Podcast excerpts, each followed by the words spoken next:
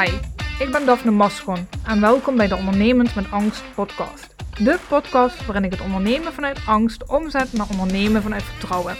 Ik vertel je over mijn persoonlijke ervaringen met een angststoornis en hoe ik hiermee omga als ondernemer. Bye bye al die taboes. In deze podcast geef ik ook tips, inzichten en templates om jou te helpen om vanuit vertrouwen meer leads en omzet te genereren met je website.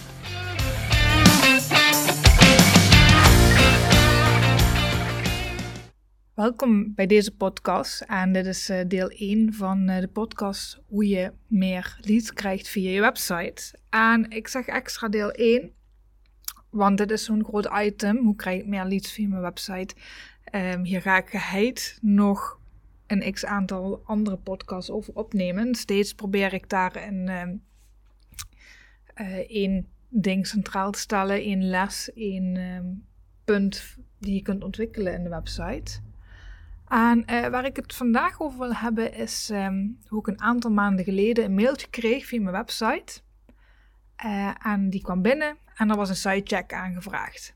En het sitecheck was op dat moment, en ik heb die nu niet meer, een uh, dienst waarbij ik je site nakeek, zowel de voor- als de achterkant.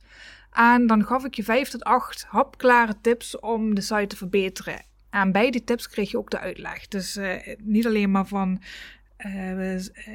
doe iets met je SEO, maar ook installeer de uh, plugin Yoast. En dat kun je op deze en deze, deze manier doen. En dit en dit dit heb je eraan, zodat je uh, beter vindbaar kan zijn of je zoekwoorden kan toevoegen. Dus zo werkte de sitecheck ongeveer. En op dat moment dacht ik, mooi. Fijn, een sitecheck aangevraagd. Het is altijd een mooie gelegenheid om nieuwe mensen te leren kennen, eventuele klanten. En misschien ook een upsell te doen. Want deze dienst bood ik aan voor 95 euro. En dat is voor de ander een fijn bedrag om te kijken of we match zijn. Uh, en ik kan daarmee ook uh, laten zien dat ik um, iets te bieden heb, dat ik waarde te bieden heb. En dan kun je, kunnen we kijken of ik misschien ook uh, de grotere opdracht kan doen. Dus ik plande een Zoom-meeting in met deze persoon en ging aan de slag. Ik opende de bestaande website en ik schrok me eigenlijk een hoedje en een sjaaltje, want de bestaande website was fantastisch. Er was een mooie huisstijl, goede foto's en teksten die goed uh, verzorgd waren. De website liep als een tiet, dat ging echt uh, vloep, vloep, vloep. Pagina's liepen goed over, er was een goede opbouw, daar was gewoon niks aan op te merken.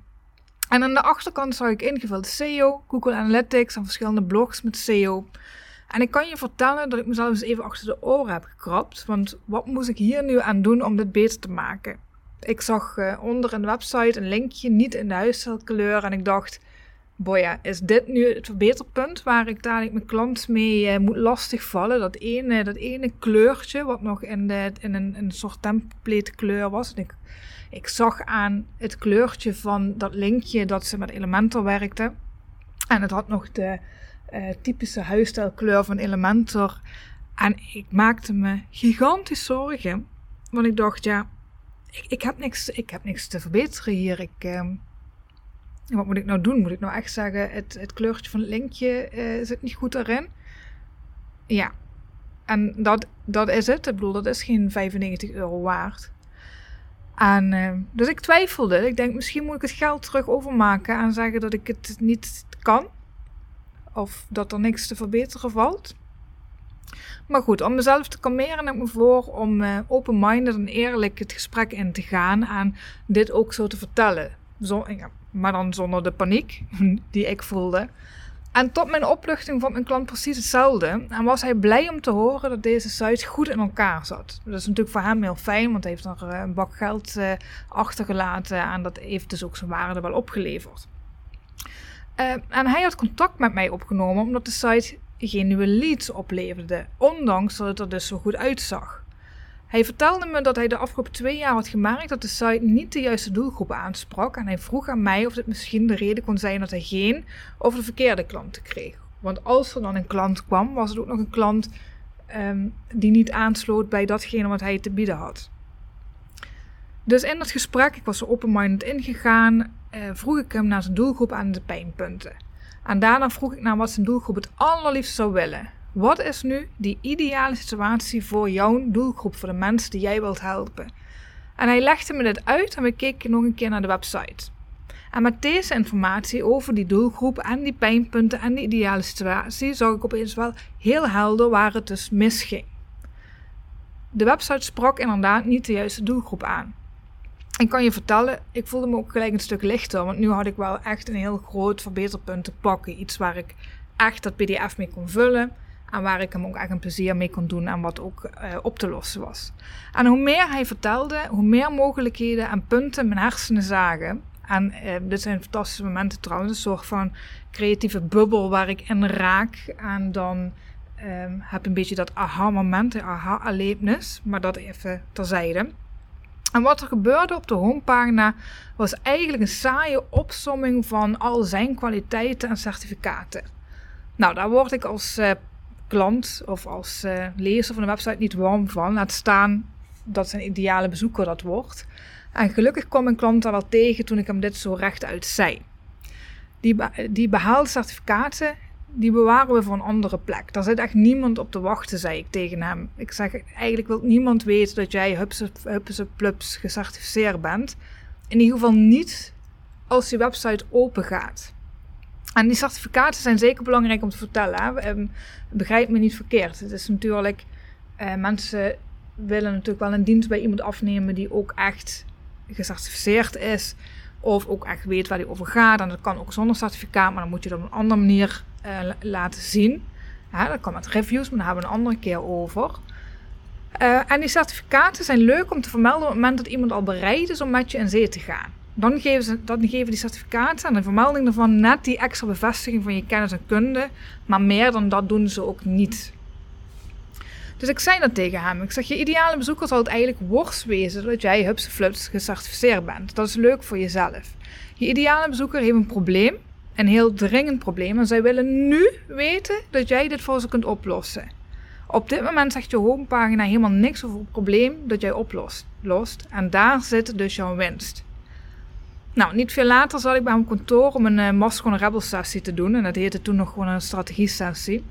En we hebben zijn ideale klant helemaal beschreven en een naam gegeven. We hebben gekeken naar de pijnpunten en de ideale situatie van die klant. Wat is de grote wens van die klant? En ik heb tig vragen gesteld over de dienst die hij levert, zodat we de dienst echt tot leven konden wekken voor de bezoeker. En mijn tip, als je zelf aan de slag gaat met je website, is het heel belangrijk om glashelder te hebben wat jij nu aanbiedt. Want alleen dan kan de ander het ook begrijpen. Als jij niet duidelijk kunt verwoorden wat het is wat jij doet, hoe moet ik dan weten waarom ik eh, bij jou moet aankloppen? En dat ga ik dan ook niet doen. Als ik het niet begrijp, als ik het niet weet, ga ik echt niet op de knop rammen van uh, bel mij, maak een afspraak. Maar goed, aan de hand van deze sessie hebben we een plan gemaakt voor de strategie, de opbouw en de inhoud van de website. Hij is daarna gaan schrijven, foto's werden gemaakt en ik ben gaan bouwen. De hele website is gebouwd rondom die ideale klant en zijn wens. En een week nadat ik de site had opgeleverd, belde hij me op en zei: Ik heb twee nieuwe leads deze week, je hebt je geld er terugverdiend. Ik kan je heel eerlijk zeggen, toen hij opwing, heb ik een vreugdedansje gedaan. Zo dwars door het kantoor en in het bijzijn van een andere klant. Moest kunnen. Dacht ik, vond ik. Nou ja, die andere klant vond het ook kunnen, dus prima. Had ik voor hem een veel mooiere site gemaakt dan de eerste site? Zaten er veel snufjes en automatiseringen in?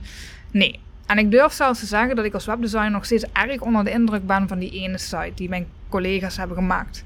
Het geheim van dit succes zit hem niet in de moeilijkheid van de site of heel veel extra toeters en bellen. Het zit hem in het maken van die verbinding, en dat is het toverwoord, met die ideale klant en de vertaalslag naar je eigen aanbod. En door dat helemaal uit te werken, konden we een goede keuze maken voor onder andere de nieuwe kleuren en lettertypes, de stijl van de foto's, welke pagina's er kwamen, de opbouw en het doel per pagina en de vervolgstap, ja, de call to action voor de bezoeker.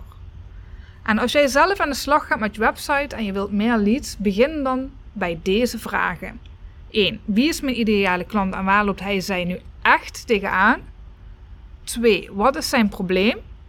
Zet dit vervolgens om naar 3. Zijn wens en de ideale situatie.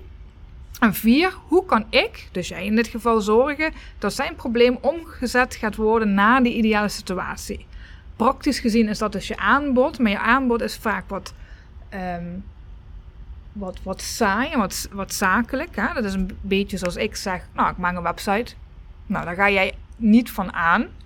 Dus het is eigenlijk de, de vertaling van de ideale situatie um, maar daar in je aanbod. Dat, dat wat jij doet, is de stap die de ander nodig heeft om bij die wens uit te komen. Dus probeer het zo een beetje voor jezelf helder te hebben.